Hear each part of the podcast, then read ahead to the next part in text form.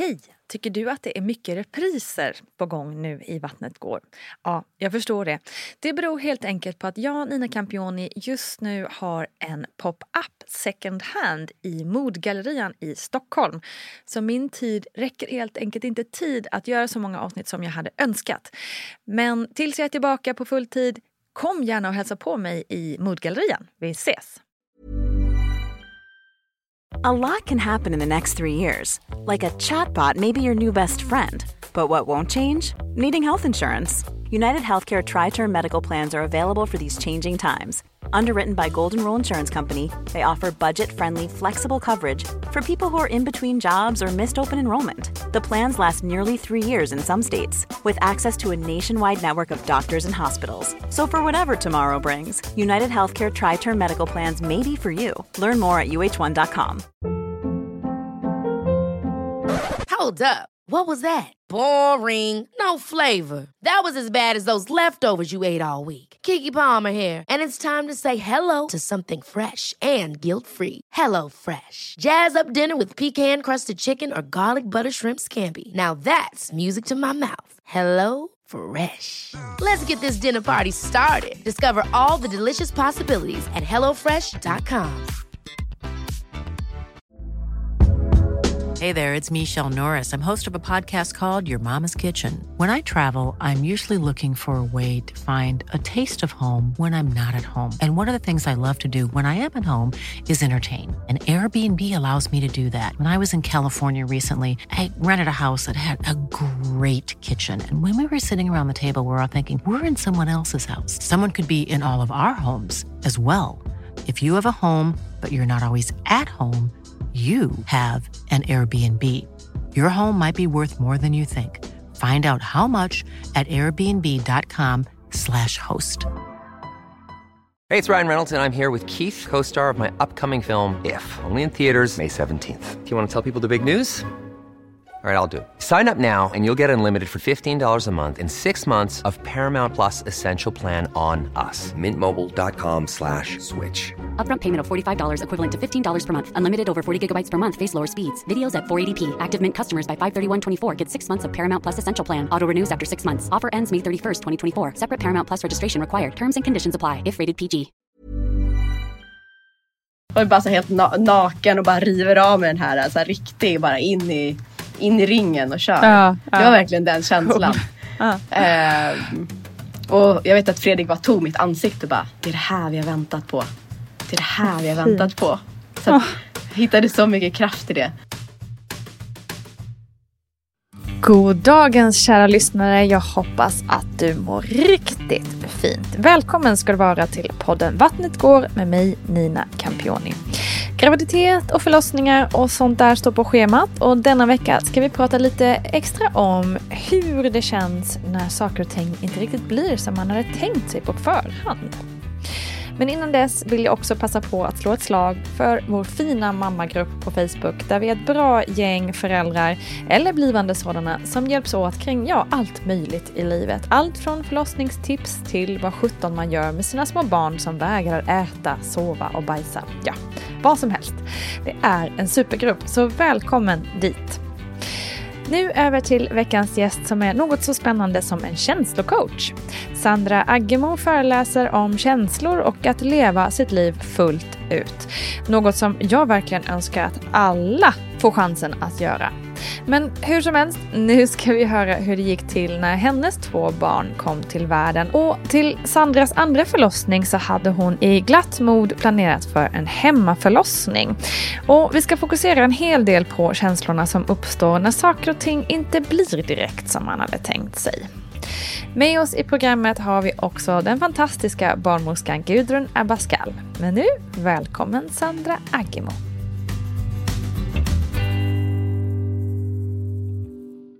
Hur gick dina tankar om att bli förälder? När du var kanske lite yngre också, tänker jag. Hur tänkte Jag- du kring det? Mm, jag, jag ville ju vara yngre höll jag på att säga. Det var ingen liksom, plan om att jag... Vi började ju längta efter barn när jag var eh, 27. Mm. Men det blev ju inte barn så snabbt. Det, det tog ju lite tid med vår, vår första eh, dotter. Så att, eh, tanken, du vet, planen som aldrig håller sig. Det var ju så här, ja men då är jag väl 28. Just det. Eh, men det blev jag inte. Jag hann ju bli 30. Jag hann ju ha en kula eh, och fira min 30-årsdag när våran lycke var i min mage. Ehm, Så att jag, och jag har aldrig haft en bild av att så här, eh, åh, jag ska vara vid den här åldern och det ska, mitt liv ska se ut så här när jag ska få barn. Jag har aldrig haft några tydliga bilder utan jag har varit väldigt så här i jag har nästan lite mer så här, jag har ingen stark barnlängtan. Liksom när, när vissa, ja, men runt 25-26, jag kände inte riktigt det. Men det var att det bara slog över nästan över en natt skulle jag säga när jag var runt 27 och min sambo lyfte bara så här, hmm, jag har tänkt på att jag skulle vilja ha barn med dig. Och då var jag tvungen att marinera det ganska länge. Och när vi väl då tryckte på knappen så trodde vi som sagt att ja men nu, nu blir det väl barn. Då gör vi det Jag här. tänkte, ja, hur ska jag berätta för chefen? Men eh, Mm. det var ju som sagt många år som det, det tog innan vi, innan vi blev gravida. Så det var mer en kroppslig signal så här. Eh, ja men nu, nu känns det som att nu kör vi. Just det. Men i och med att det tog eh, lite tid, då var det någonting som blev stressat eller gick ni till och med in liksom, för att undersöka eller hur? Ja, det Mm. gjorde vi. Vi, eh, vi gjorde två, eller gjorde vi till och med tre insättningar i Ah, okej. eh, IVF. Eh, så det var väldigt, väldigt tufft och jag förstår nu i efterhand att jag var ju in och ur i en, jag ska inte säga, ja men ish en depression av att jag var så förtvivlad över det här. Eh, och pratade första, första typ ett och ett halvt åren så nämnde inte jag det här så mycket. För någon i min närhet, jag kände mig extremt ensam i det här. Eh, så det kändes som att det var som att sörja varenda månad. Varenda månad. Men vi fick ju då hjälp via IVF-klinik. ehm, och det var ju också såklart en tuff process kroppsligt och psykiskt. Ehm, och jag vet att jag tycker också att det fanns mycket, det jag kunnat se nu efterhand, det finns ju också väldigt mycket humor. Om, när jag vågade titta på de här situationerna utifrån ett humoristiskt perspektiv. Först var det mest bara sorg och det var mörkt. Men märkte väldigt tydligt skifte när jag, och jag säger inte att det här är lätt, men för mig var det väldigt viktigt att emellanåt varva sorgen med att kunna se humorn i det. Att kunna se ja, men hur mekaniskt det blir liksom i att ja, men, du vet, gå in och runka i en kopp eller typ att ba, hon som skulle, läkaren som skulle eh, föra in då embryot, hon liksom viftade med den här lilla nålen och sa Säg hej till mamma och pappa. Och vet, jag bara, nej men, och du vet Fredrik skämtar, min sambo skämtar om att det där, det där embryot satt ju taket för hon bara viftade med den här. Och äh, att det var, och jag minns hennes knallgula liksom eh, vad heter det, träskor, jag tittar ner på dem och sen den här viftande. Alltså det finns så mycket och så har vi fått mycket tips längs vägen hur vi skulle bli gravida. Fredrik skulle äta koriander och lammkött för att eh, öka Okej. på spermakvaliteten. Och det, jag, jag, jag är ju väldigt alternativ på vissa sätt. Jag tycker det är jättespännande med alternativ medicin. Men det går också Ja. att se så mycket humor i det. Att säga, ja men hem och ät koriander och lammkött så ska det lösa Absolut. sig. och, Morgon, um, middag, kväll. Exakt, så han bara köttade i sig det där. Eh, men mycket sånt roligt och många, det klassiska tipset var ju sådär, men tänk inte så mycket på det där. Det bara, bara slappna, slappna av. av. Slappna av. Köp en hundvalp. Så, här. Ehm, så, och det fina var att just det, jag vill bara ta in det här med humor och det är vissa av er som kanske lyssnar som kanske är mitt i det. Jag förstår att det, ni kanske bara känner totalt bara "Ugh, prata inte om humor för det här är hemskt och det vet jag att det också kan vara. Men om du känner liksom en minsta liten inbjudan till att faktiskt våga bjuda in humor så att det kan vara väldigt så här förl- förlösande, öppnande för Ja men för både så här, relationen kanske man är i eller för eh, sitt sinnestillstånd. Vi gick ju på Man på prov. Har du sett den Nina? Den Nej. föreställningen med Tobias Nej. Persson, komiker. Nej, det har jag inte sett. Okej. Nej, han har ju en hel föreställning där han pratar om hans barnlängtan och deras barnlängtan. Ehm, Okej. Och där är ju jättemycket humor. Eh, så Fredrik och jag, min, ja, min sambo, vi gick på den. I, den, liksom, i vår, i den, det var den största sorgen. Det kan ju kännas makabert men det var så fint för jag grät, jag skrattade. Och samma dag fick jag också mens. Du vet de Okej. här dagarna, jag Ja. kanske är gravid, jag kanske är gravid. Just så jag står där och äter någon cheeseburgare i Eskilstuna för det var så här prov, provspelning. Eh, Det var hans liksom inför hans riktiga gig. Mm, Jag står och äter någon cheeseburgare och bara känner bara, jag fick jag mens. Mm. Och så ska jag in på den här föreställningen. Exakt. Men det är faktiskt, det låter kanske lite religiöst och det var det på sätt och vis. För att det var som att jag bara så här fick där sitta och skratta, få ut allt. Skratt, Mm. gråt, förtvivlan. Så renande. Eh, Mm. Ja, det var så renande. Och i tillägg fick vi skjutsa hem honom efter showen och prata Oj. med honom i bilen. Och då ehm, fick vi nämna massa av de här sakerna med koriander och lammkött till honom. Och då fick han inspiration till sin show i Stockholm som han hade sen. Perfekt. Så att Ah, det kul. var mm, ehm, Wow. En resa Nej, med men det många där känslor. är, ja exakt. Känns, alltså alla känslor är viktiga och men just det där att få både gråta och få skratta. Alltså, fan vad kroppen behöver det. Eller hur? Variationen. Jag tror den är superviktig. Så bra. Men du, hur kändes det då när det liksom tog? Alltså det var sån lycka. Och så overkligt. Och så mycket förnekelse. För att jag tänkte, jag kan inte bli gravid. Min kropp kan inte bli gravid. Jag är värdelös på att bli gravid. Jag är en värdelös kvinna. Jag kan ingenting. Jag var, min, min självkänsla var verkligen nere på botten på så många vis, tyvärr.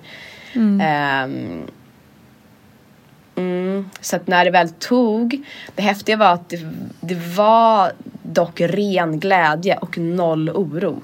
Det var som att jag Okej. gick från att känna mig ganska ned, nere till att bara vända helt och jag hade knappt några orostankar om att det inte skulle gå vägen under graviditeten då med mitt första barn heller. Så att det, det var ändå häftigt att det kunde ja, vända och bli en verkligen stärkande graviditet och så. Och jag vet att ja, men min, min sambo var iväg på middag när, när jag tog eh, graviditetstestet.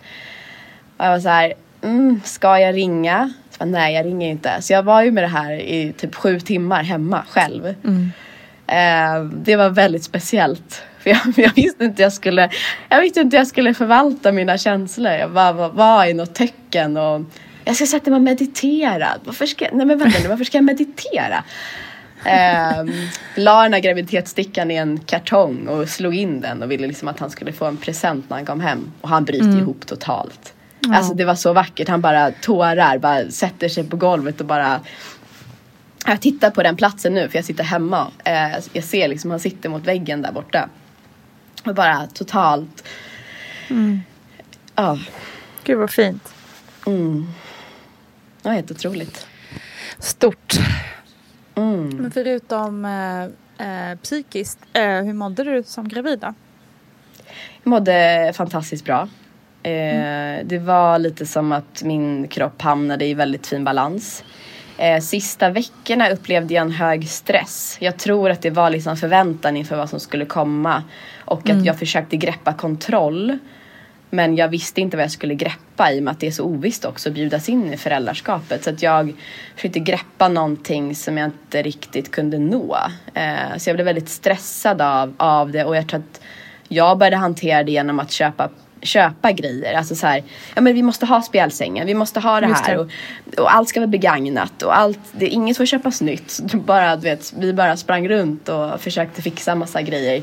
Ehm, samtidigt såklart så pratade vi också om det som skulle komma men det är också så svårt att ta på. Jättesvårt. Ja, verkligen. Vad är det för dörr som ska öppnas och vad är det för barn och vad, vilka blir vi i det här?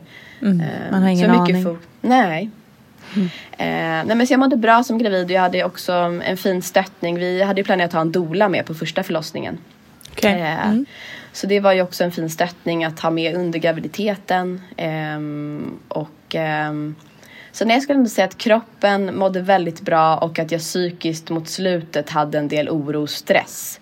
Så jag blev sjukskriven deltid då också. Ehm, Mm. Okej. Men det var ganska skönt. Då fick jag liksom vila och eh, sådär. Så det var, det var fint ändå. Mm. Ehm, så ehm, ja. Men vad skönt, men så med dolan då fick, då fick du ju väldigt mycket stöd kring liksom, tankar inför förlossningen och övning inför det. Hur kände du dig? eh, Fanns det några orosmoln kring förlossningen? Det här är då min första förlossning då och då är vi bak i 2018. Ehm, jag hade faktiskt inga orosmoln. Det var väldigt jag gillar ibland att använda ordet naiv. För att i det här sammanhanget menar jag med att jag var så öppen. Mm. Alltså lite som ett barn kan vara inför vissa situationer. Att jag var verkligen öppen. Så här, det här... Det här klarar vi. Det här klarar Mm. jag. Jag hade en väldigt stark tilltro på mig själv och på det teamet. Jag kände mig så trygg också med min, med min kära sambo och sen dolan. Det orosmolnet som dök upp var ju då kanske att vi var planerade att föda på SÖS men att vi flyttades, eller vi fick direktiv om att åka till Södertälje. Då hann det väl komma in Ah, liksom okej. un- Men att det blev ju superbra. Så att Mm. nej, jag skulle inte säga att jag hade något orosmoln. Samtidigt nu när du frågar, så all den här stressen som jag beskrev eh, som kom till mig sista veckorna. Någonstans så var det nog någon kanaliserad oro men som jag inte riktigt kunde sätta fingret på. Jag, jag kunde inte så här pinpointa att det här är jag rädd för. Jo, kanske faktiskt du. Tack för att du frågar. En sak. Jag var rädd för att spricka. Ja, Eh. Eller brista ska jag säga. Spricka låter ju helt brutalt. Men brista. Eh, för det jobbade vi en del med under graviditeten också. Med liksom massage och, och liksom. Mm. För jag hade vestibulit som ung. Vet du vad det är? Okej, ja absolut. Mm. Så eh, då var det mycket jobba med det. Så det fanns ju lite rädsla kring. Men att jag fick jobba mycket Såklart. med det. Mm. Du, vad är vestibulit egentligen?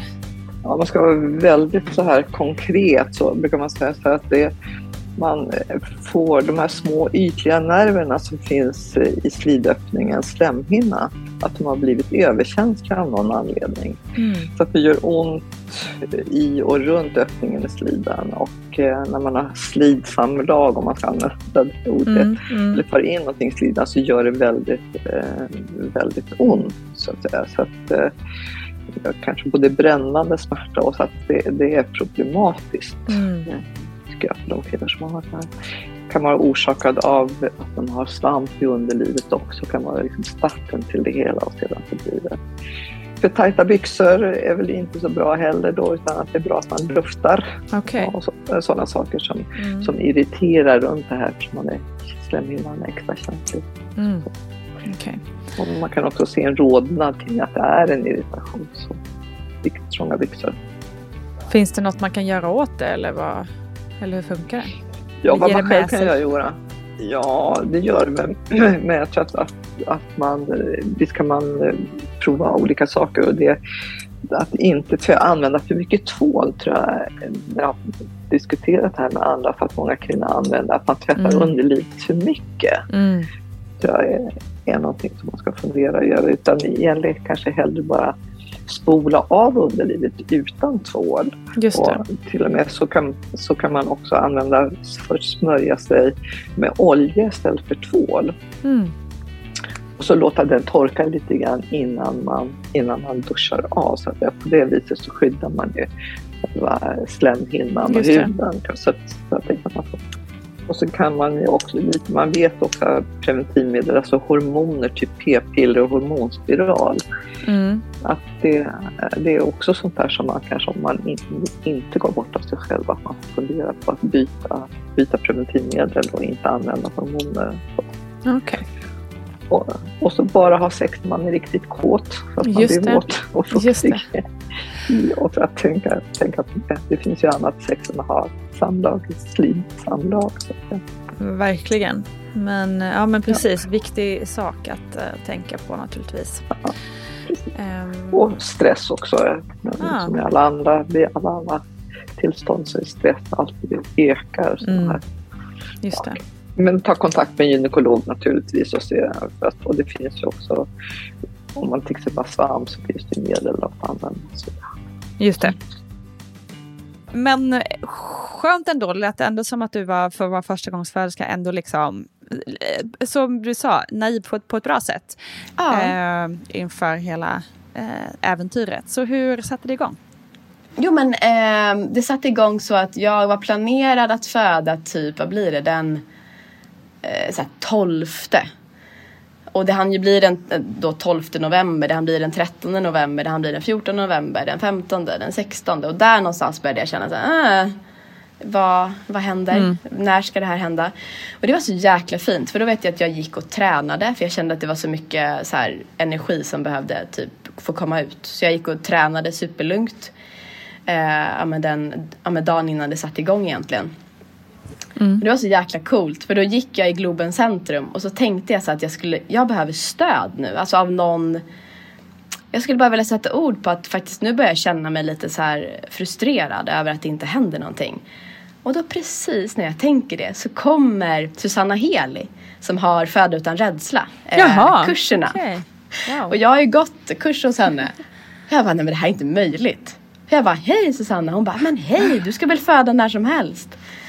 Jag bara, ja. Ja. ja det är precis. Jag- Och började nästan gråta och bara, ja. Hon bara, allt är som det ska. Mm.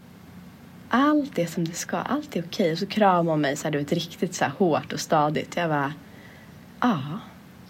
Allt är nog som det ska. Det var, som, det var, det var verkligen en så här game changer. Ja, det var så häftigt. Hur universum bara gav mig den där möjligheten att få möta henne. Otroligt. Och där ett dygn senare, ja, så drog det igång. Vi åt sushi på kvällen, liksom den, den 16 då. Så åt vi sushi här hemma och tog det lugnt. Och sen var det då på natten, ja men efter midnatt någon gång, då eh, den 17 som det började Ja men eh, en känsla av att vara bajsnödig helt enkelt. Och bara så här, hmm, okej. Vad är det här? Ehm, så att det jag förstod inte riktigt att det var igång utan mer bara en känsla av vad skönt, nu ska jag få göra nummer två för det var ett tag sedan. Ehm, så, men sen drog det igång där så att vi vid fem så kunde vi ändå liksom klocka verkarna och det var, ja, men det var regelbundet och vår dola kom på plats då hon kom hem till oss. Eh, och jag satt på någon pilatesboll där och Fredrik drog på någon animerad film som han vet att jag mår väldigt bra av. Men det hade jag inte riktigt ork att titta på utan det var ganska, det började ändå bli lite mer, mer intensivt att jobba. Lite, mm. Ja. Ehm, och ehm, vi ringer in till SÖS då vid sex och då är det fullt. Då är det fullt. Ja. Så då, eh, ja, då säger de, men, men ni är jättevälkomna till Södertälje. Eh, och jag minns väl att jag hinner tänka så här, usch, det låter långt. Eh, även fast det bara är 25 minuter, så det är inte någon stor bilfärd egentligen. Men då Nej men det är ändå en bara, men- skillnad så liksom. Mm. Sju minuter och 25 minuter eller 30 minuter blir ändå Verkligen. men Dolan var så himla positiv till Södertälje så hon bara så här. Det här blir toppen. Vi, vi kör. Så vi, vi åkte bil. Fredrik körde, min sambo. Eh, och eh, superhärlig biltur. Vi hade verkligen disco i bilen och det var verkligen så bra stämning. Det var en del verkar att ta och parera och sådär. Jag hade tensmaskinen som jag körde med som mikrofon för att jag sjöng med till våran playlist. Och, ja, men det var verkligen, det var så här idylliskt. Det var verkligen, det var häftigt. Eh, det var en fin. Och när vi kommer in så, eh, men så är jag öppen, ja men dryga så här fyra centimeter. Okej. Så då får vi ett rum. Skönt. Eh, och det fina är att vi börjar i rum 14 och när vi kommer gå in på min andra förlossning då är vi också i rum 14 på samma ställe. Men Är det är sant? en liten cliffhanger. Okej. Ja. Så det mm, eh, Ja. Men vi spenderar många timmar på Södertälje och jag, eh, det var fantastiska timmar. Alltså vi kom in vid sju, eller jag tror jag skrevs in någon gång där vid sju på morgonen. Eh, Lycke föds ju 23.48. Så vad blir Okej, det? det? så en alltså hel dag, verkligen. 12 Ja, exakt en hel dag verkligen.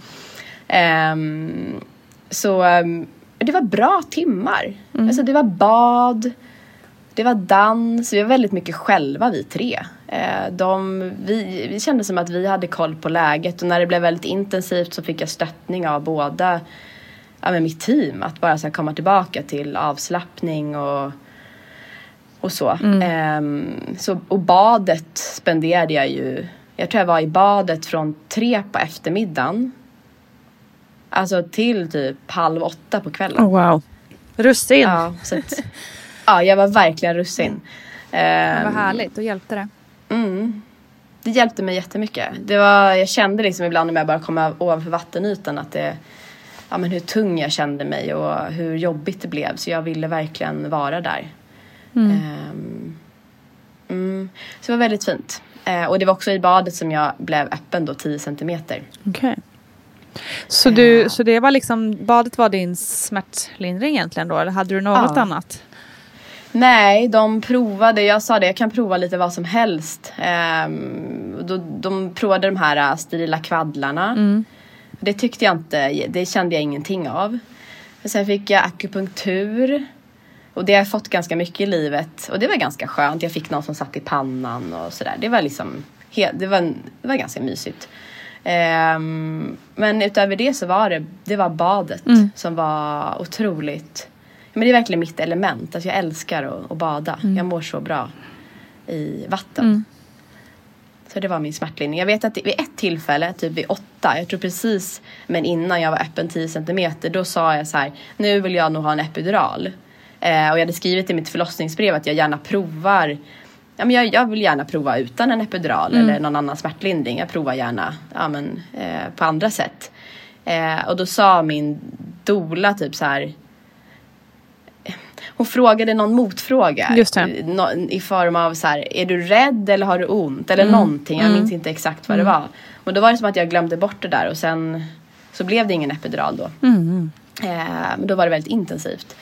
Eh, men så att det var, lustgas tog jag ju sen då när jag kom upp i badet. För det var väl också den, när jag, som jag beskrev att när jag var i badet så är det den här tyngdlösa känslan. Och sen när jag kom upp så bara, oh shit, känns som att jag väger, mm. ja många hundra kilo. Mm. Så det var väldigt tufft att komma ur. Och varför ehm. skulle du komma ur det? Ja, det är ju en väldigt bra fråga. Eh, jag, eh, så som vi har pratat om det efteråt så är det för att eh, eh Lycke skulle få komma ner i kanalen ordentligt. Mm -hmm. Så att mhm. de ville göra lite spinning baby. Mm -hmm. okay. Spinning baby. Vi provade några i badet eh, som gav lite effekt. Eh, men dels så ville de liksom få ännu mer koll på CTG som de beskrev okay. det. Och sen även få göra lite mer spinning baby övningar i sängen och även stående. stående. Okay. Och alltså mm. fy fasiken, den, uff, den skillnaden när jag lägger i badet och sen bara du kan ta den här gåstolen och göra lite squats. nej men, uff. nej. nej. nej. Den var halvskön. Men jag har video på det och då står jag verkligen så här sjunger med till någon låt och jag gör det ju ändå. Men jag minns ju bara så här. Mm. Um, så att, uh, nej men det var magiskt. Alltså, jag skulle säga så här, musiken, vattnet och liksom dansen, alltså så här, rytmen i kroppen, förkroppsligandet av musiken var verkligen min smärtlindring. Wow. Uh, jag, jag älskar coolt. musik och jag älskar vatten. Mm. Ja, det är någonting som bara gör att jag, jag hamnar nästan som i ett hypno-mode mm. av att jag bara mm Mm. Eh, så jag har en del så fina videos där vi, ja, men jag och min sambo, vi bara står och dansar och liksom verkligen kan sjunga med. Det gör att jag, mm, jag är någon annanstans då. Mm. Jag liksom är den där artisten som bara står på en scen någonstans mm. och bara inte föder barn. så coolt! Underbart att höra.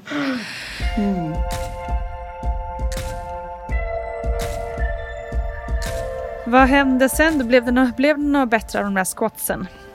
ja, jo men det blev det faktiskt. Det började, eh, det började liksom trycka lite neråt. Jag började känna, mm, är det här ett liksom tidigt utdrivningsskede eller vad är det som är på gång? Mm. Precis då, jag säger precis, men ungefär då så blir det ett barnmorskeskifte.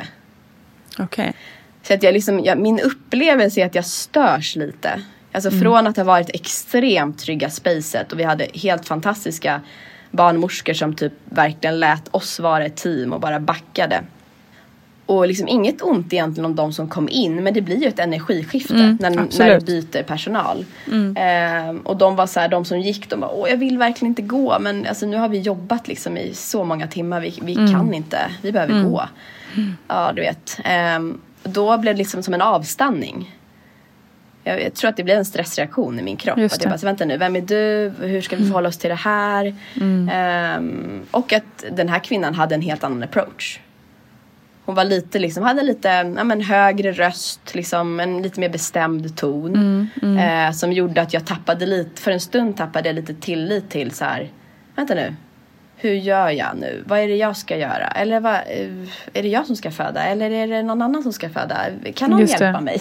Mm. Mm. Um, så att, eh, men vi hittade tillbaka till uh, den bra känslan ändå. Efter någon ja, men, halvtimme. Och då mm. upplevde vi också att liksom, krystfasen eller utdrivning också kunde sätta, sätta fart. Och jag minns också den här klassiska känslan av fast nu pallar inte jag. Nu, den är så tydlig. Alltså jag bara nej, mm. jag, jag orkar inte mer. Mm. Och jag vet att jag också hade sagt det i badet precis innan jag kom upp. Jag bara, får man säga att man inte orkar träffa sitt barn? Kan man få sova först? De bara, men åh hjärtat, ja det är okej att vara så trött. Ja. Så det var en väldig utmattning. Jag ätit jättedåligt också. Ehm, för jag var bara så inne i, jag bara, bara hade druckit i stort sett. Mm. Men det var häftigt också att känna det skiftet för att i den här totala nästan där jag gav upp så var det som att när jag tillät mig själv att ge upp så hittade jag också ny kraft. Mm. Eh, Så i den tillåtelsen så fanns det så mycket fint att hämta. För då var det som att jag, de såg mig i det och tillät mig få vara i det. Och då bara river jag av mig typ sjukhusrocken och bara Nu kör vi! Och ställer mig på liksom knäna du vet och de vinklar upp sängen. Fredrik beskriver det här liksom och bara, du vet mitt hår bara helt svettigt och jag är bara så helt na- naken och bara river av mig den här, så här riktig bara in i, in i ringen och kör. Ja, ja. Det var verkligen den känslan. Ja. Ehm, och jag vet att Fredrik bara tog mitt ansikte och bara Det är det här vi har väntat på. Det är det här vi har väntat på. Så att, jag hittade så mycket kraft i det. Ehm, ja, så det var, det var en gan, så lite så utdragen krystfas. För jag mm, Ska jag liksom pusha här eller ska jag inte pusha? Jag liksom försökte hitta rätt och hitta in i det här. Och de fick kittla mig lite på magen för att liksom se om det hände någonting. Men sen hittade jag liksom en teknik som ändå kändes som att det gick ja, men så ganska varsamt, långsamt. Eh, och till slut så sa de ju det att Åh, nu kommer du kunna känna huvudet. Ehm, jag hör det på filmen också men då säger jag att jag inte vill känna huvudet. Okej. Jag vet inte varför. Jag bara, Nej. nej, det är bra. Ehm, så jag vet inte varför jag inte ville det. Men det var väl någonting som bara kändes då, att jag var så inne i något annat. Ehm, Men det är också, jag tror att det är ganska vanligt också första, i första barnet att det känns lite, det är lite läskigt också. Det är någon Eller läskig hur? känsla med det där. Ja. Vet inte Faktiskt. varför. Jag, jag minns att jag kände samma.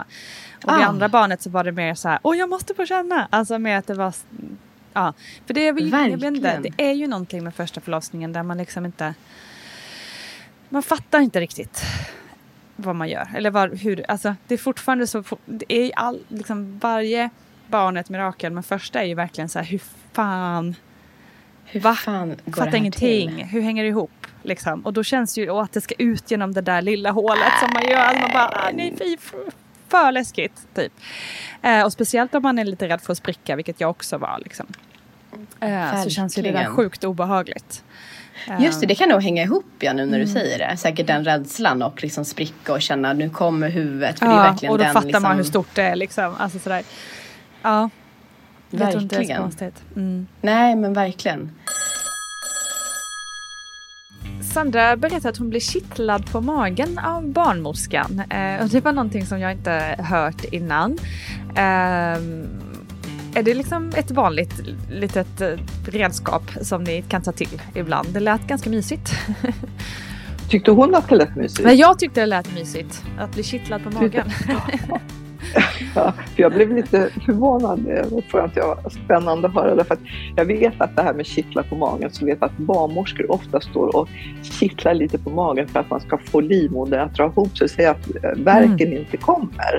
Och så för Mm. att då irritera och reta livmodern till att, att det ska komma en värk för att ska, livmodern ska dra Ah. ihop sig, så står man där och killar på magen. Och då är min fattar. erfarenhet är att kvinnor inte alls tycker att det är, roligt Nej. eller är skönt när man står och killar. Om det är så, så som de gjorde i det här fallet. Men det, det är då som jag känner. Annars så säger man så att man ska inte röra livmodern och hålla på med livmodern under själva eh, verkarbetet så att säga. Det kanske man kan göra annat, att man kan smeka den. Men det här med kittlet tycker jag ja, det var spännande men skönt har jag inte hört att någon tycker om att Intressant. stå Nej. under förlossningen.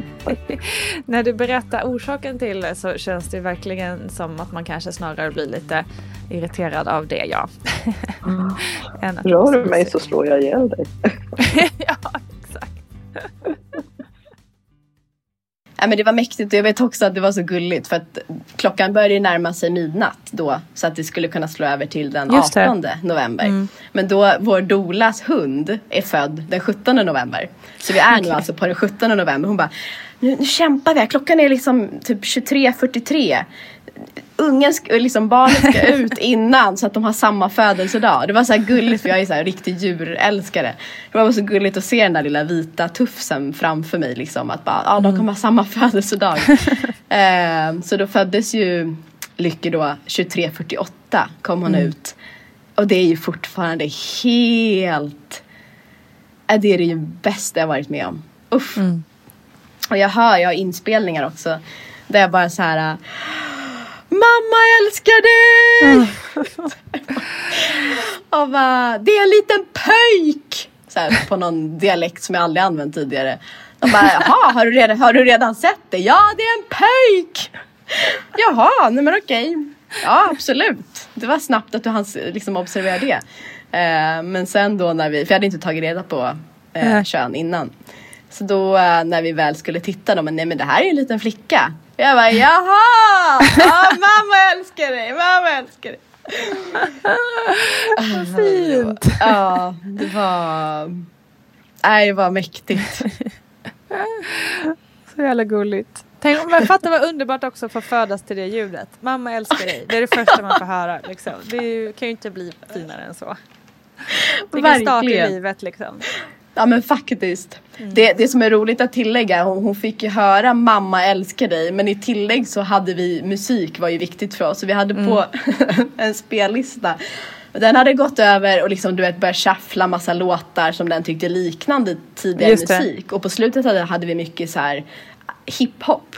Ja. Så den hade börjat liksom leta upp massa underground hiphop där det var på riktigt ganska så här grova. alltså du, vet, jag kommer inte, jag, jag har försökt hitta låten som hon föddes till för Fredrik och jag bara såhär du vet, är det här olämpligt? För att det börjar bli ganska grov text. Så det är också roligt så här kontrasterna med mamma älskar dig och sen bara Smack "Ah, my fuck bitch." you, smack my bitch. Inte hiphop i och för sig, men ändå. Men den tonen.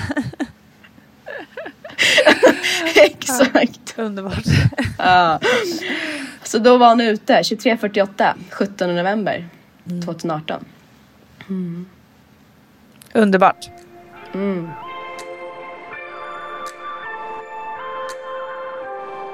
Hur mådde du eh, sen? Liksom, om man spolar fram några timmar eller ett dygn eller så. Mm. Jag var hög. Hög på... Alltså jag var så hög på min upplevelse. Jag ville berätta för hela världen hur fantastiskt det är att föda barn. Det var lite liksom det jag... Och jag ville liksom bara...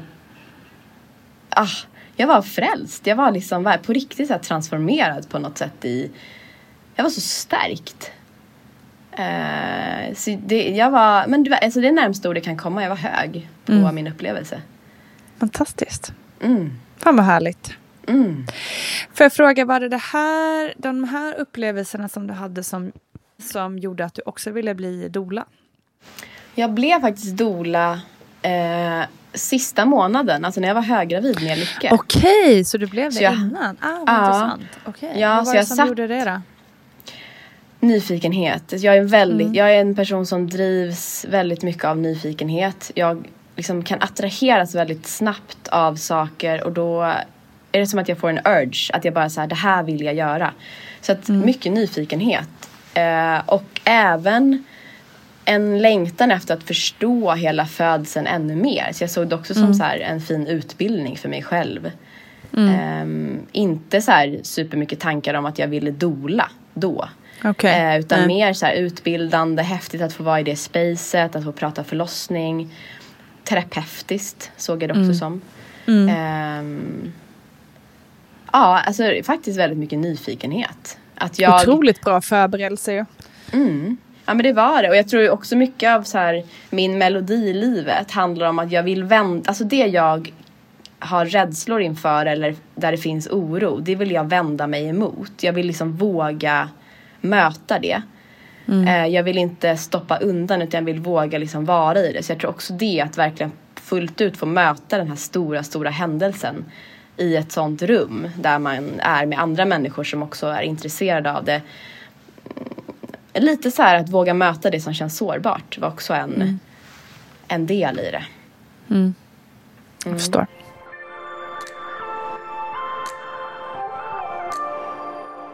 Jag tänker med tanke på också att ni hade lite liksom, utmaningar i att bli gravida. Ehm, hur gick tankarna på syskon eh, Mm. när det hade gått ett litet tag? Jag eh, var väldigt så ambivalent ska jag säga. Jag, jag tyckte att det var extremt chockerande att bli mamma.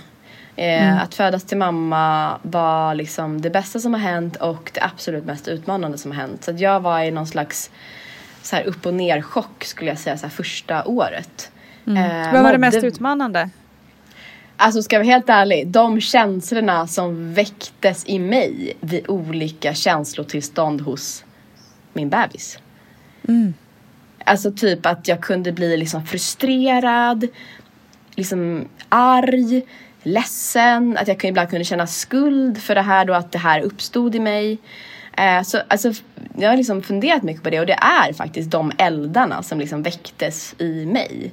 Mm. Eh, hur jag hanterade det.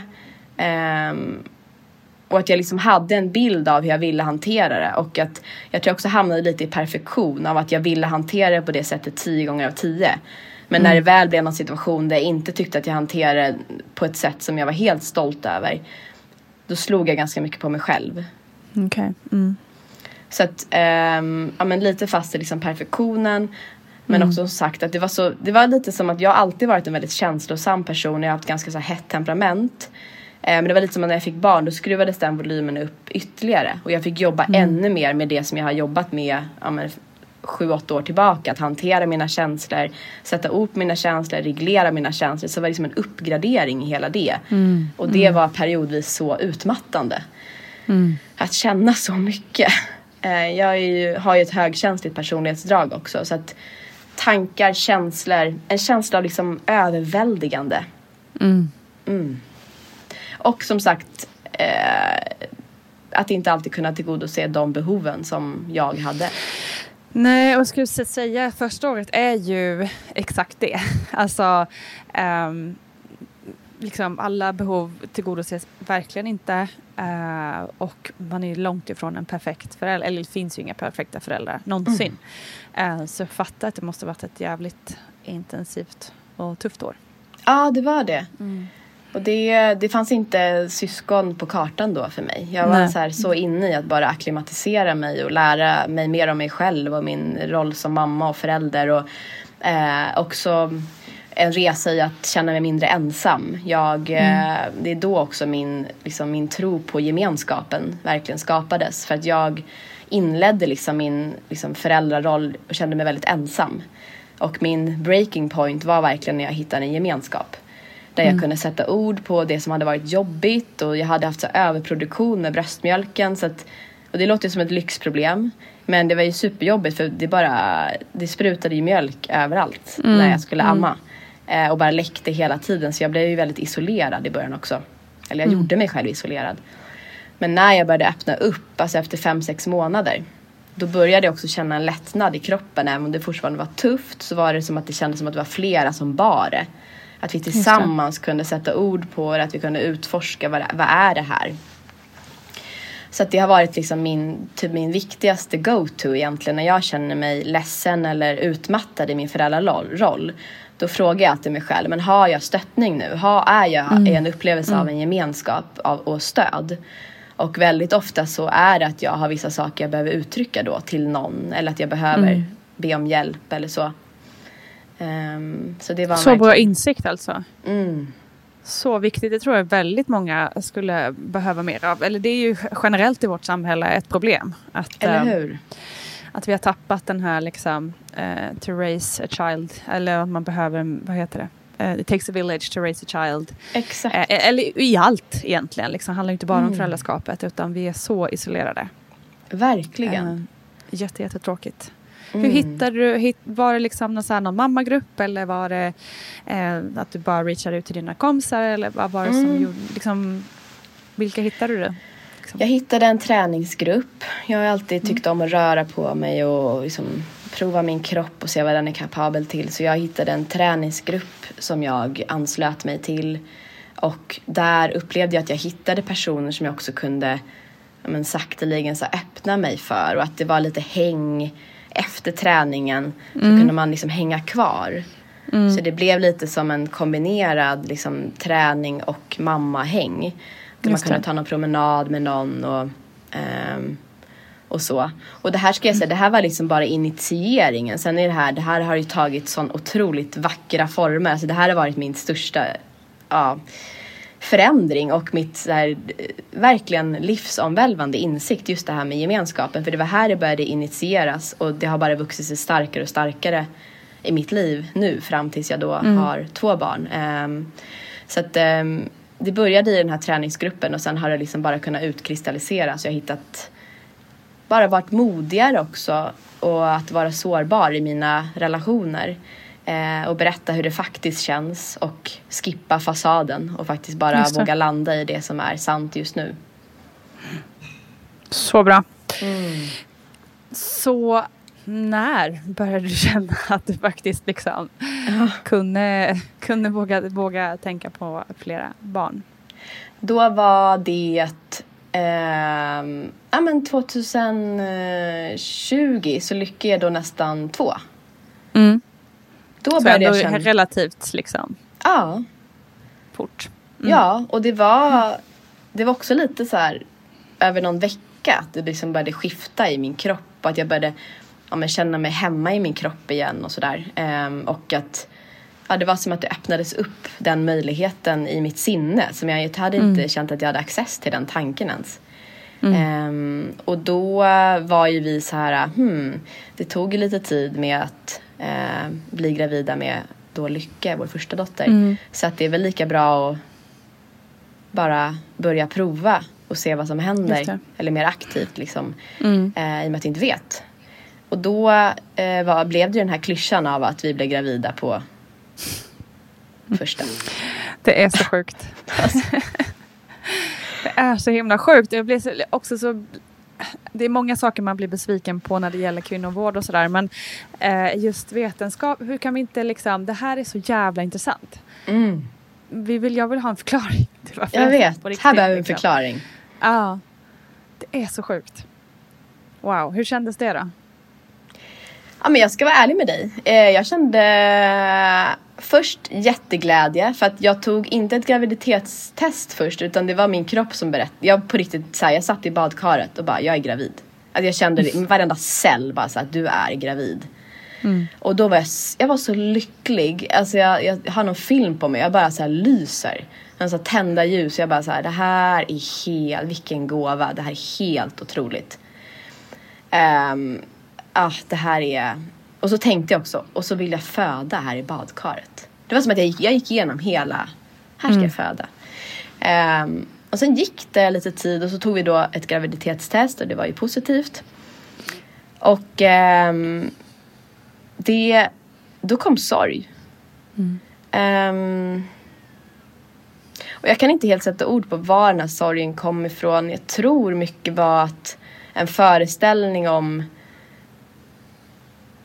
att det skulle ha gått mer tid. Är, ly- är Lycke redo? Är jag redo? Alltså lite så här chock. Ja men chock skulle jag säga. Mm.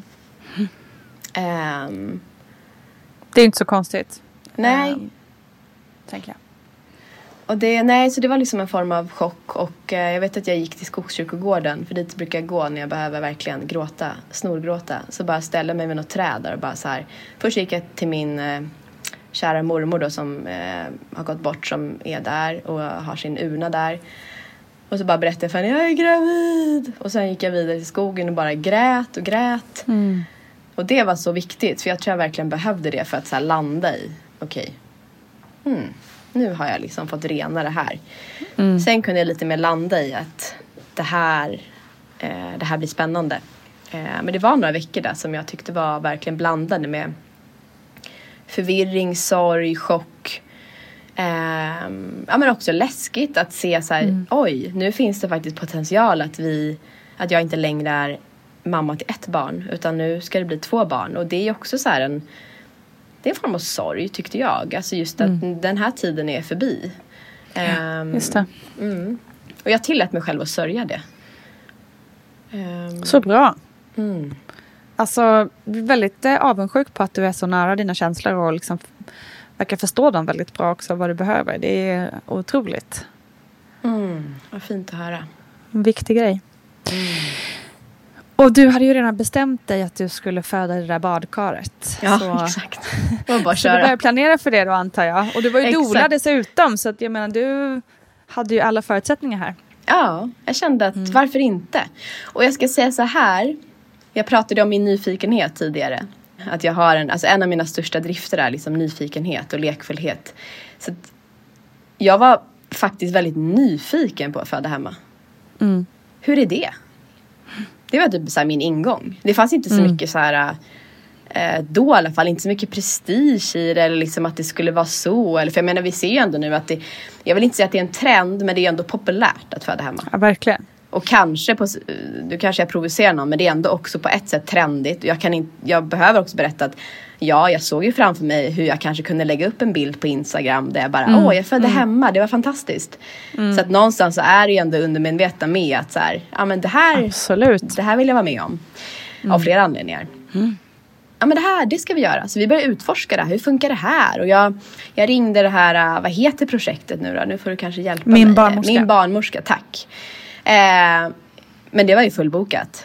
Jag tror vi ringde, vi ringde ju för sent och tyckte de, eller det var ju det, vecka nio eller tio eller sådär. De bara oj nej du skulle ha ringt typ innan du hade kissat på stickan. för det är så fullt nu. Ja, shit. Så det var helt fullt. populärt. Mm. Ja, verkligen. Ehm, så då började en process istället att vi eh, eh, skulle liksom sköta det privat.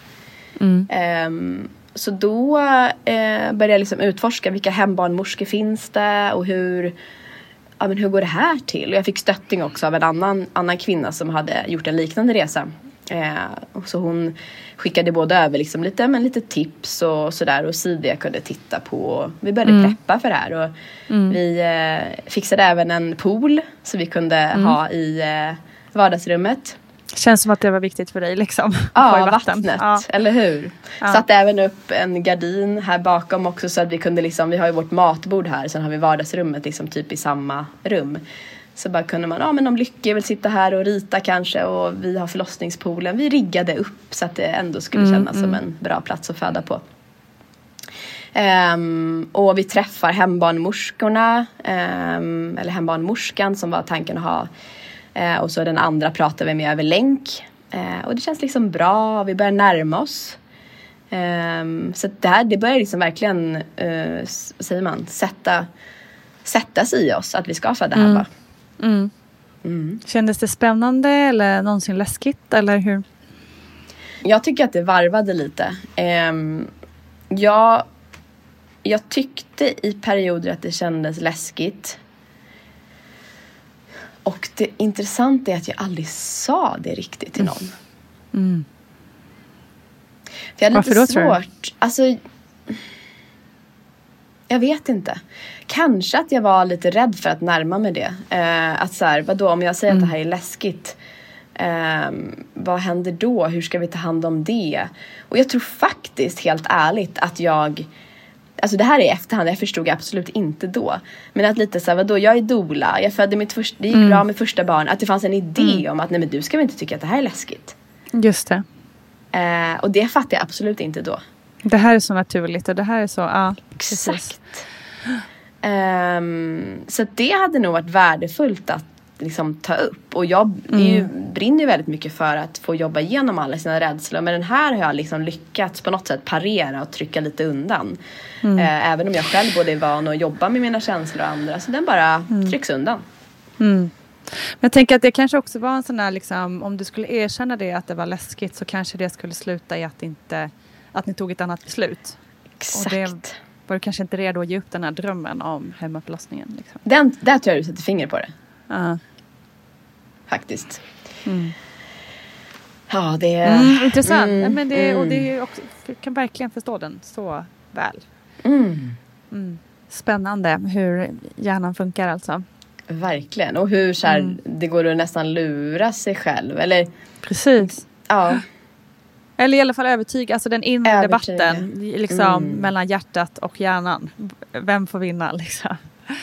Verkligen. Och magkänslan. Hela, hela det där verkligen. bråk, bråket inombords. Mm. Ja, och för mig var det också väldigt så här, jag kände mig så trygg i födandet. Så jag tror ibland att det tog över och att jag inte riktigt mm. liksom, placerade in det i att det var en ny kontext, alltså att det var hemma. Mm. Så att jag tror ibland också att jag blev förblindad av att bara så här, känslan av att jag, jag känner mig så trygg i min kropp, jag känner mig så trygg i alla mina ja, men det jag kan ta till och i mitt team och sådär. Så att det här kommer bara lösa sig. Men så vet jag ibland kommer jag i kontakt med den här liksom rädslan. Bara så här, men gud jag ska vara hemma. Ja men det går mm. bra. Jag är så trygg i det här. Jag är så trygg i födandet. Mm. Mm. ja. ja, inte så intressant. Mm.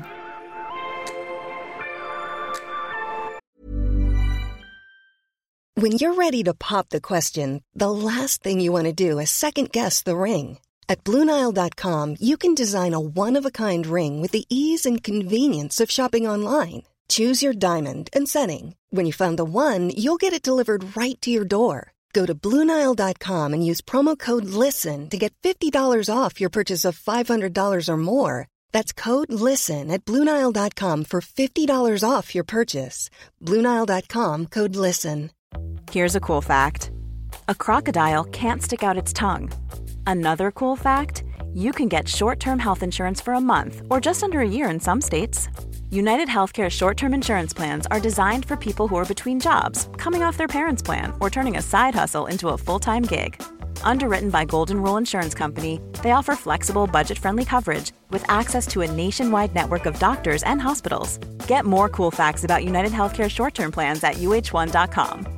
Hiring for your small business? If you're not looking for professionals on LinkedIn, you're looking in the wrong place. That's like looking for your car keys in a fish tank. LinkedIn helps you hire professionals you can't find anywhere else, even those who aren't actively searching for a new job but might be open to the perfect role. In a given month, over 70% of LinkedIn users don't even visit other leading job sites. So start looking in the right place. With LinkedIn, you can hire professionals like a professional. Post your free job on linkedin.com slash people today. Hi, I'm Daniel, founder of Pretty Litter. Cats and cat owners deserve better than any old-fashioned litter. That's why I teamed up with scientists and veterinarians to create Pretty Litter. Its innovative crystal formula has superior odor control and weighs up to 80% less than clay litter. Pretty Litter even monitors health by changing colors to help detect early signs of potential illness. It's the world's smartest kitty litter. Go to prettylitter.com and use code ACAST for 20% off your first order and a free cat toy. Terms and conditions apply. See site for details. Hey, it's Ryan Reynolds, and I'm here with Keith, co star of my upcoming film, If, only in theaters, May 17th. Do you want to tell people the big news?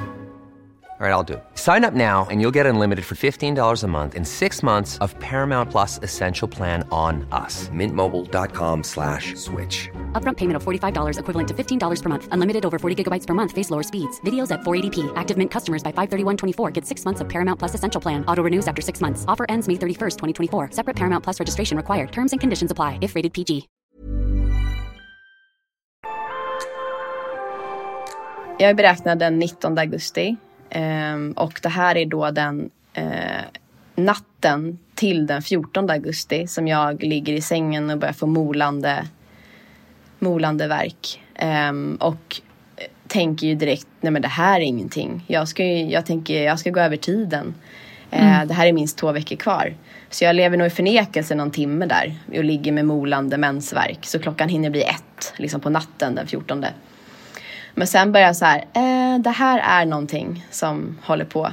Och då blir jag väldigt så primitiv skulle jag säga och djurisk. Typ för jag drar mig undan. Så att jag, mm. eh, liksom, jag väcker inte min sambo.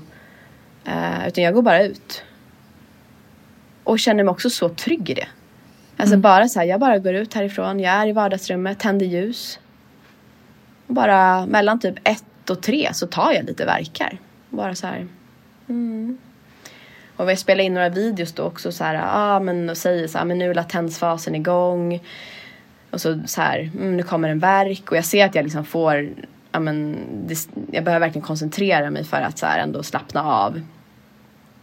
Så jag har någon film som är där vid fyra och då säger jag någonting i stil med så här, men nu börjar jag bli väldigt trött.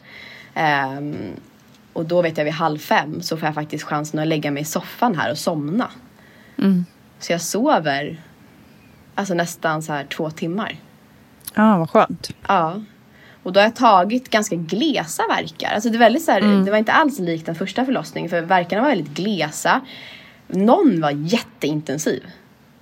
Men resten var ganska så här, ja, mm. det här går bra. Mm.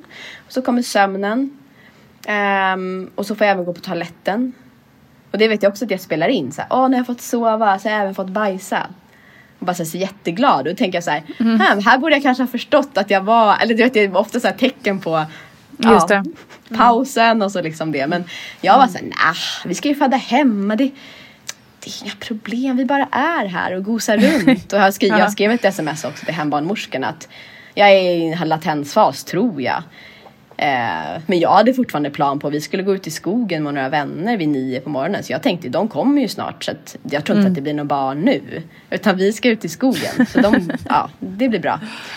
Eh, vid sju så går jag in till eh, Lycke och eh, min sambo.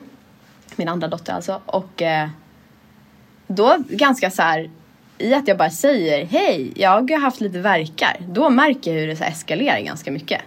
Och Fredrik bara wow, okej men hur länge har du varit vaken? De har inte märkt någonting. Nej, jag har varit vaken sedan tolv, ja midnatt. Okej. Och det har bara varit helt tyst. Ja, jag har varit där ute och tänt lite ljus och ja. Eh, så vid kvart över sju så börjar det intensifieras. Eh, så då börjar jag tänka, det kanske inte blir någon skog. Det kanske blir något annat. Det kanske blir att vi, ja, det kanske är dags nu.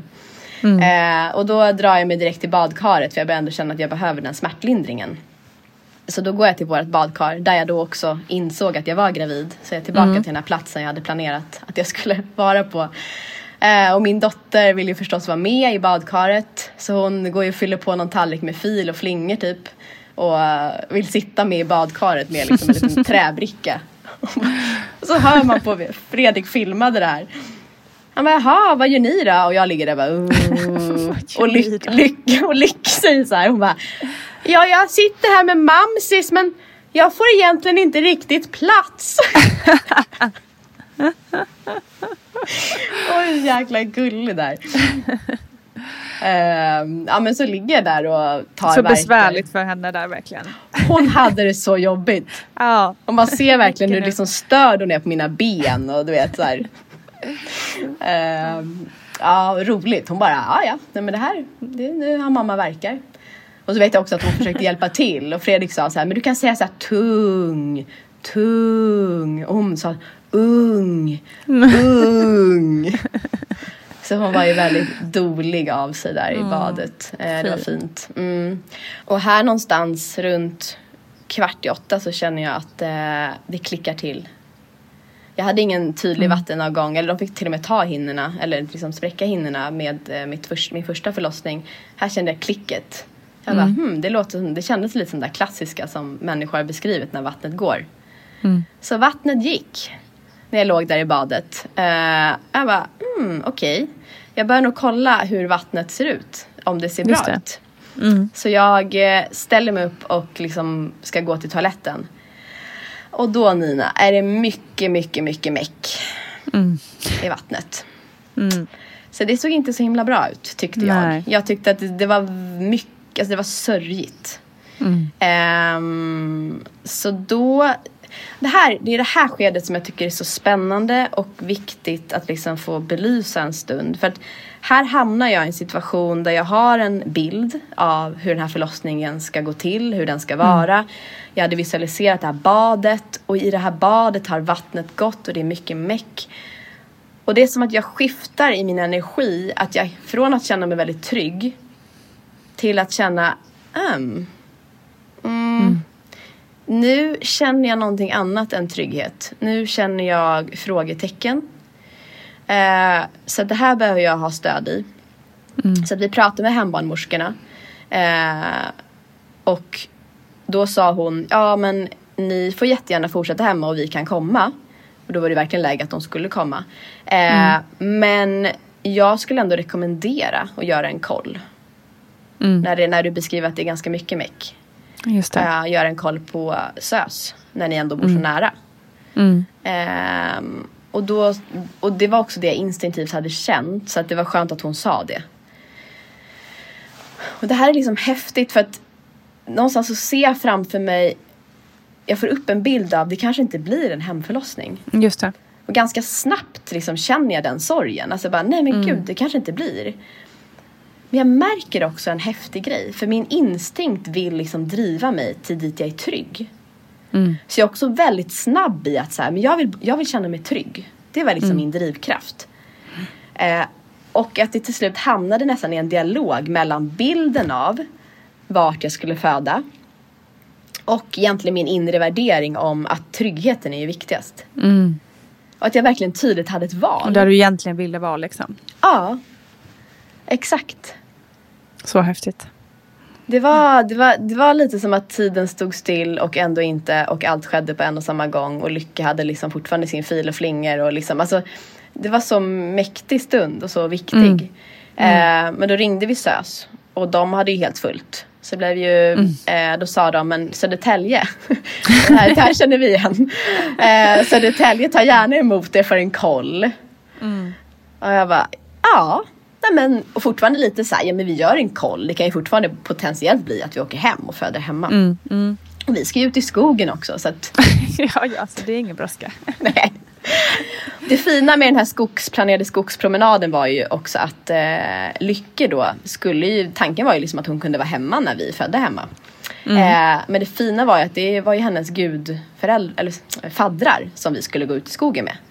Så att de, det blir väldigt naturligt för när klockan är där 8-9 och vi ska göra en koll på Södertälje så kommer de liksom in intrampandes där och bara vi ska ut i skogen. Mm, perfekt. Perfekt. Det blir väldigt så här odramatiskt för henne också upplever jag. Hon älskar dem och bara så hoppa upp deras famnar. Och jättefint för då får jag en ganska kraftig verk i hallen. Och det är en sån himla häftig bild för då har ju då de här två barnen som tillhör den andra familjen. De bara oj hej hej liksom och börjar knata ut. Men då stannar de, en av mina bästa vänner som är eh, Lyckes då fadder också. Med mig i hallen. Alltså jag blir så berörd av det. Men alltså, då- hon bara, vad behöver du? Och jag bara, jag behöver bara att du håller en hand typ på min ländrygg. Att det är det enda jag behöver. Så hon står liksom med mig, du vet bara sipprar fostervatten. I hallen. Och jag känner mig bara så jäkla trygg. Vad fint. Ah, det var så jäkla fint. Eh, så hon tog en verk med mig där i hallen. Ehm, och sen hjälper hon mig ner och vi är i hissen och det, det, det, det rinner. Du vet. Jag försöker göra en handduk men det är ju det är ganska mycket fostervatten som ändå liksom sipprar ut. Men det är så lugnt. Det är jättelugnt. Alltså det är, ingen, det är ingen panik. Det är liksom en transfer. Det, är, det var väldigt fint. Få pussa Lycke hejdå. Fredrik och jag sätter oss i bilen. Och vi åker till Södertälje. Ehm, och i bilen så vet jag att jag kunde släppa helt tankarna om hemförlossningen. Samtidigt så fanns det ändå en del i mig så här, som tänkte att vi kommer nog åka hem. Eh, men det var inte så att jag liksom hade någon panik över att komma till ett sjukhus. För jag hade en väldigt Nej. bra första upplevelse också på sjukhus. Jag kände bara det här känns bra, jättebra, det här blir fint. Så hör jag liksom i periferin Sigge och Alex podcast som liksom går på jättelåg volym och jag har ju väldigt kraftiga verkar. Mm. Och jag ligger, äh, att ta verkar i bilen, jag vet inte om du har gjort det men det är ju kanske halvskönt. Nej, jag har faktiskt sluppit den. Men Mm. jag har förstått att det inte är så kul. Nej. Och då, det här är så himla, för då såg jag också återigen att jag hade ett val. Antingen drabbas jag av total panik nu. För det var verkligen, jag, jag slår in en ruta eller så nitar jag Fredrik. Alltså jag, det, här, det här är kraftfullt, det här är intensivt. Eller så spelar jag död. Och så jag sa till Fredrik, jag bara, jag behöver spela död nu. Han bara, vad sa du? Men jag behöver, jag behöver liksom bara falla samman, smälta in i den här stolen och typ, du kommer inte höra ett ljud från mig om jag väljer det här typ. Han bara, okej. Så jag, ingen musik? Jag bara, nej ingen musik, vi kan ha det här som är. Han bara, okej, okej jag är med dig.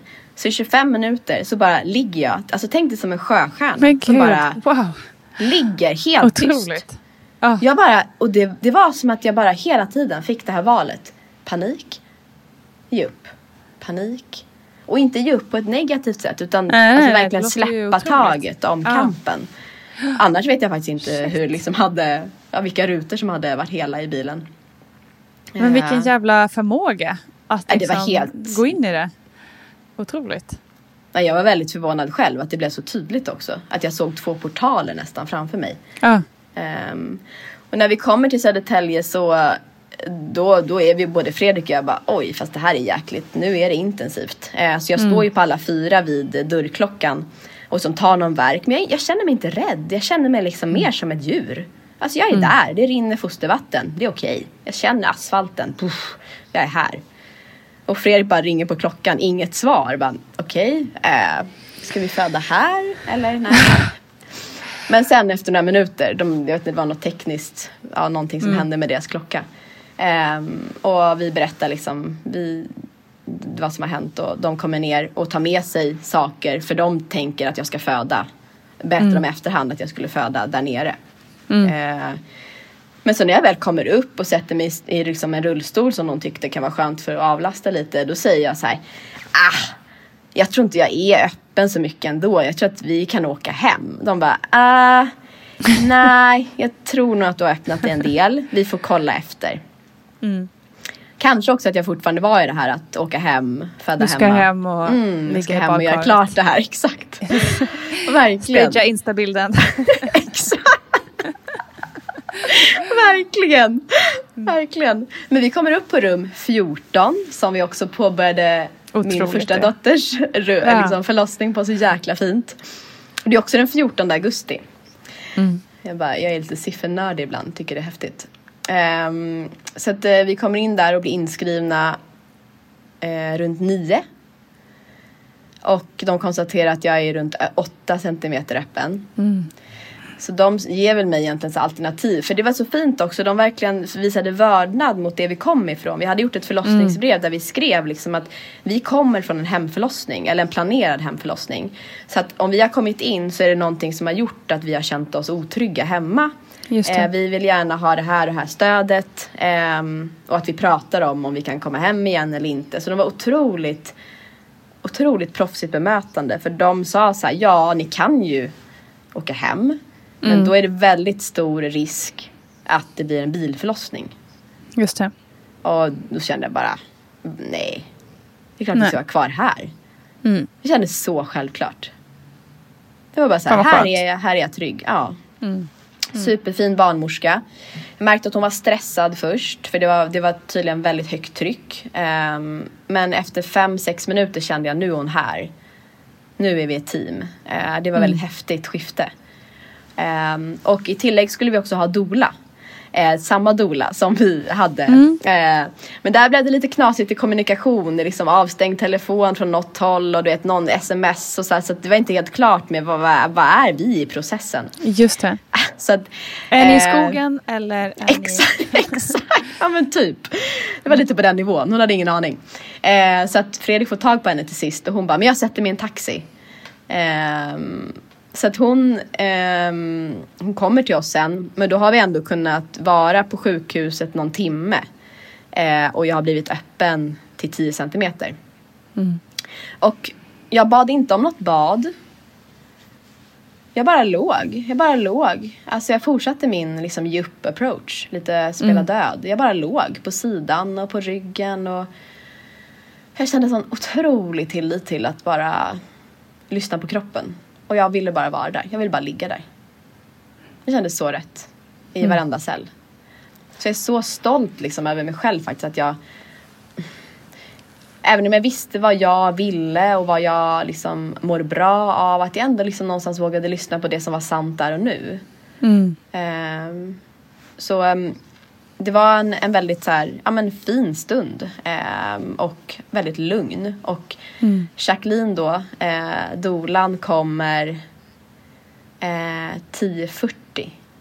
Och då, det är nästan precis i samband med att utdrivningsfasen Mm. eh, börjar liksom ta fart. Så att hon bara du vet kommer in och bara så här, nu är jag här. Du vet, sätter någon hand på pannan och bara mm. Eh, Och Fredrik står bredvid och jag ska prompt, jag vill inte ha själva de här, nu kallar jag det gynst, alltså du vet de här, vad heter de? Eh, Just det. man, eh, Lägger upp benen vill- på. Mm. Exakt, för att en, jag ville liksom ligga på sidan. Så då sa de, men det är väl skönt att lägga benet på den, gyn, Mm. alltså en, ena av den. För jag vill ligga, ligga på sidan. Nej, nej, nej, Fredrik, jag vill att han håller mitt ben. Så Fredrik står liksom och håller mitt ben. Samtidigt som han filmar ju jättemycket. Så han står där med munskydd, det är ju fortfarande covid. Håller mitt ben och sen filmar liksom verkligen rakt, rakt in i där det händer. Eh, Shit. Ja. Ehm, Imponerande skills ändå. Ja, jag blev väldigt imponerad efteråt när vi hade så mycket videomaterial och verkligen på hela förloppet. Ehm, så det var häftigt. Och ehm, när Jacqueline väl är där så inleds en väldigt, väldigt långsam och odramatisk krystfas. Där jag känner mig så alltså, stark och eh, de visade sån respekt för min kropp och det den är kapabel till. Och så här, du är så fantastisk, du är så modig. Du, du är, du, det här, du gör det här så bra, bara fortsätt, andas. Alltså jag kände mig alltså som en jäkla gudinna. Alltså du Underbart. vet, det var helt, det var så jäkla häftigt. Ja. Nej, det var en mäktig känsla och ehm, hon, och så när, när liksom Ring of Fire, ja, det är klart det blir liksom, det är intensivt. Men också väldigt läkande för det var inte lika sådär samma rädsla som jag hade i första förlossningen. Mm, utan det var ändå just så här, det. jag förstår att det här är det här är gången som vi ska gå igenom liksom. Mm, okej. Mm. Och sen när väl huvudet har liksom kommit ut och det är liksom, ja, Luna då som hon skulle heta har, ja men som eh, polokrage liksom. Då börjar hon snacka. Så då, alltså hon börjar låta.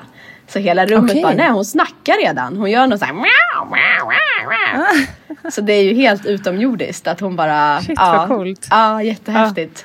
Ehm, och eh, ja, sen kommer hon ut och hon kommer ganska snabbt. Jag ligger ju fortfarande på sidan då men kommer ganska snabbt upp på mitt, mitt bröst. Jag bara känner sån otrolig... Ah, det var liksom lycka på ett annat sätt. Det var bara så här... Alltså jag var så stolt. Jag var så stolt över hela förloppet och alla dess sekvenser.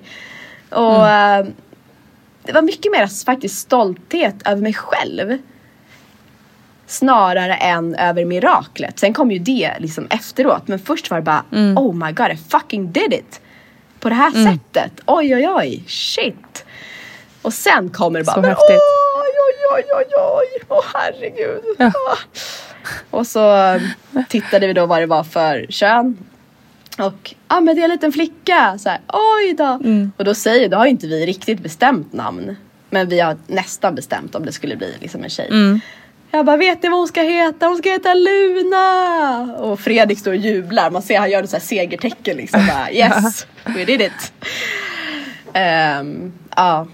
Så jävla fint. Mm. Otroligt. Alltså jag känner bara, jag sitter bara och lyssnar. Jag känner att jag liksom... Det är så härligt att få höra, men få höra dig berätta. För det är så mycket, ja, men så härligt med känslor och så härligt med eh, bara lycka. Underbart. Ah.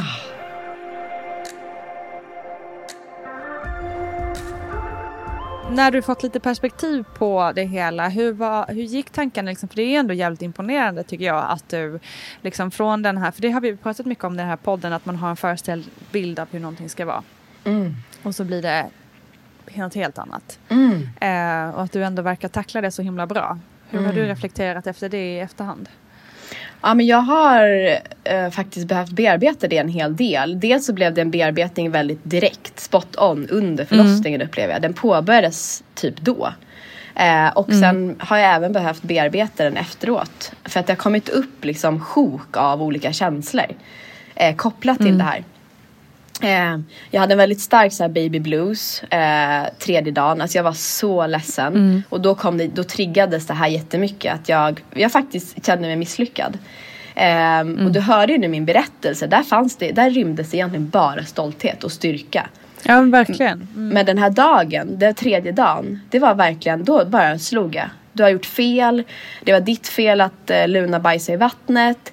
Det var, alltså jag var så, det var, det var, det var Okej. så hård debatt. Mm. Alltså det var hemskt att vara i kroppen. Eller huvudet, för det var ju där jag var. Att du, eh, du skulle gjort så här istället. Du hade inte, det, det var helt, det, och jag bara grät så mycket. Ehm, ja, nej det var faktiskt jättetuff dag och det var verkligen så här klassisk, s- ja men en, en tredje dag. Verkligen, Eh, så intressant att det just kom tredje dagen. Ja. Verkligen. Fantastiskt. Det är på tisdagen. Men kunde du här- koppla det då också att, ja men okej, eh, jag, jag, jag mår så här men det kanske också är på grund av baby blues? Eller var det verkligen bara gå in i det svarta? Nej, men jag kunde ändå se det från... Jag, jag såg det som nödvändigt att det skulle få gå igenom mig. För jag tror ändå Mm. på att känslor är alltid sanna. Alltså tankarna bakom var ju inte sanna. Men känslorna i sig som jag kände att behövde gå igenom min kropp. De kändes liksom viktiga att få typ ur. Men jag kunde få lite distans till tankarna om du förstår skillnaden. Jag kunde liksom mm, se att jag fattar att det här triggas. Och jag, jag gråter. Men jag kan också se att eh, det här är en sån klassisk dag och att ja, men lite du vet som man kan känna ibland när man ska ha mens. Eh, eh, jag förstår att det här, är, det här känns väldigt mycket extra nu. Exakt. Och samtidigt så vill jag också poängtera att när, jag tycker det är viktigt också att dels både PMSen men också de här starka känslorna baby blues. Det kommer också med kommunikation. För att alla de här tankarna jag hade det kom också som information att det här behöver jag bearbeta. Just det. Så jag var, jag var också noga med att inte bara så här, du är drama queen, sluta tänk sådär, gud vad Nej, nej överdrivet. precis. Eller bara Utan- brush it off. Alltså, det är baby blues, det är över imorgon. Mm, nej, Utan jag var också ganska noga med att ta upp det här med min dola. Så här, det här, jag känner, det här kom upp liksom. Och det var verkligen så fint för i det samtalet med henne så var det någonting som hände i mig på riktigt. Det var det som att allt det här jag hade känt egentligen under förlossningen kunde implementeras i mig. Alltså sanningen om att jag faktiskt var stolt över mitt förlopp och jag kände styrka. Det kunde liksom etsa sig hårdare i min kropp. Så att genom att sätta ord på alla de här tankarna om misslyckandet eh, så kunde jag också bara så här Wow! Och hon var så här, det finns en mening med det här. Det finns en mening med det här. Alltså det är så, jag är så glad att du får vara med om det här och jag är så glad att just du, för du kan kommunicera det här till andra också och berätta om att vi behöver rasera idén ibland. Att vi behöver vara modiga och följa vår instinkt och följa drivkraften som är trygghet. Så då känner jag mig snarare stärkt att wow. Allt blev som det skulle bli. Och sen kan jag fortfarande märka och att, att jag blir triggad ibland. Men jag ser att någon har en hemförlossning. Så kan jag märka att jag bara, just det, det skulle jag också haft. Just det. Men det är inte som att det drabbar mig lika hårt. Jag märker det som ett litet ärr men som liksom har jag har bearbetat och som jag egentligen upplever att jag bearbetar lite grann fortfarande.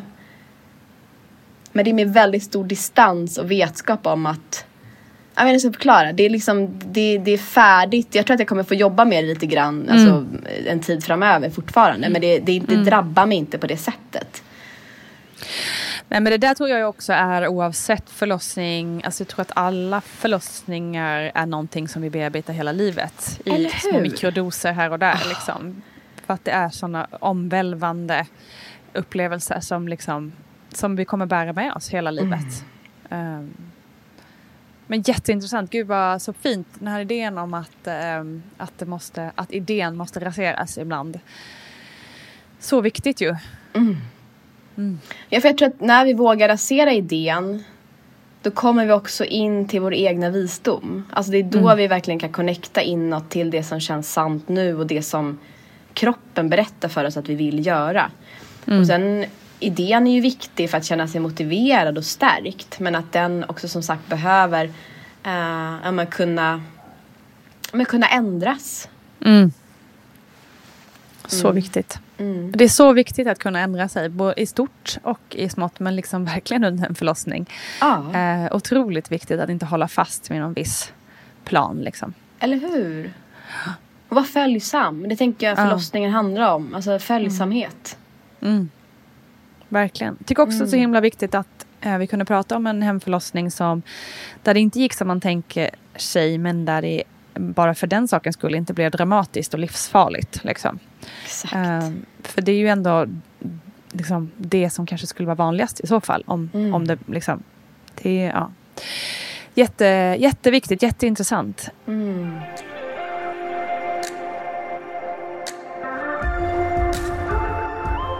Du har ju kommit med supermånga insights under, under det här programmet. Men har du någon mer, något mer som du vill skicka med dig till lyssnarna? Ehm, förutom då att kanske inte hålla fast så tvunget vid en viss idé. Liksom.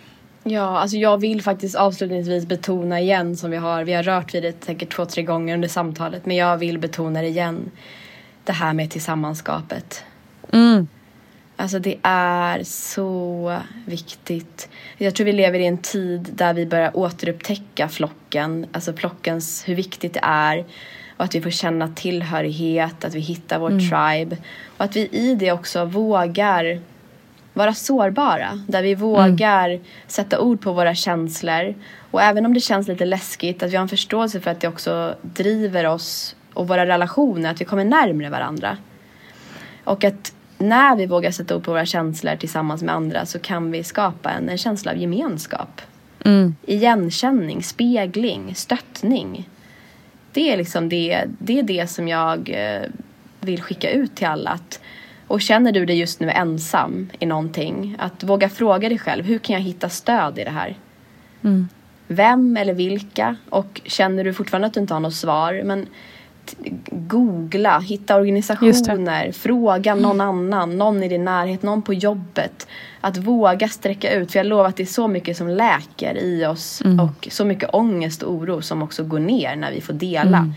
med andra. Så det, går, det vill jag verkligen betona eh, avslutningsvis också i alla skeden. Så himla himla bra. Där kan jag också bara snika in att om man känner sig ensam och man inte hittar någon liksom fysisk tribe eller någon fysisk person så mm. finns mammagruppen på Facebook eh, mm. som vi har Vattnet går. Bara dyk in där. Det finns ja. så många fina människor. Man kan ställa frågor och man kan bara säga att man behöver stöttning eller vad som helst. Så bra. Så välkomna dit. Alltså tack! Så tacksam för det här samtalet. Jätte, jätte, jätteintressant, jätteviktigt. Tusen mm. tack att du har varit med. Tack för dig vackra kvinna. tack, det behöver jag också höra denna trötta torsdags morgon. Nej, jag tänkte på det. Jag, jag, tycker om att samtala med dig för du är, bara, du är så mycket hjärta, det är så mycket själ, det är så mycket passion. Du är helt fantastisk. Ja, tack. Men gud, tack. Nu blev jag rörd. Mm. tack så hemskt mycket. Tusen tack Sandra Agemo. En viktig lärdom det där med att man får lära sig följa med lite när livet förändrar planen för en. Du hittar såklart mer av Sandra på Instagram och där hittar du självklart även Vattnet går och faktiskt också mig, Nina Campioni. tack kära du lyssnare som har varit med oss idag. Det betyder så mycket ska du veta. Vi hörs alldeles snart igen. Kram, hej hej!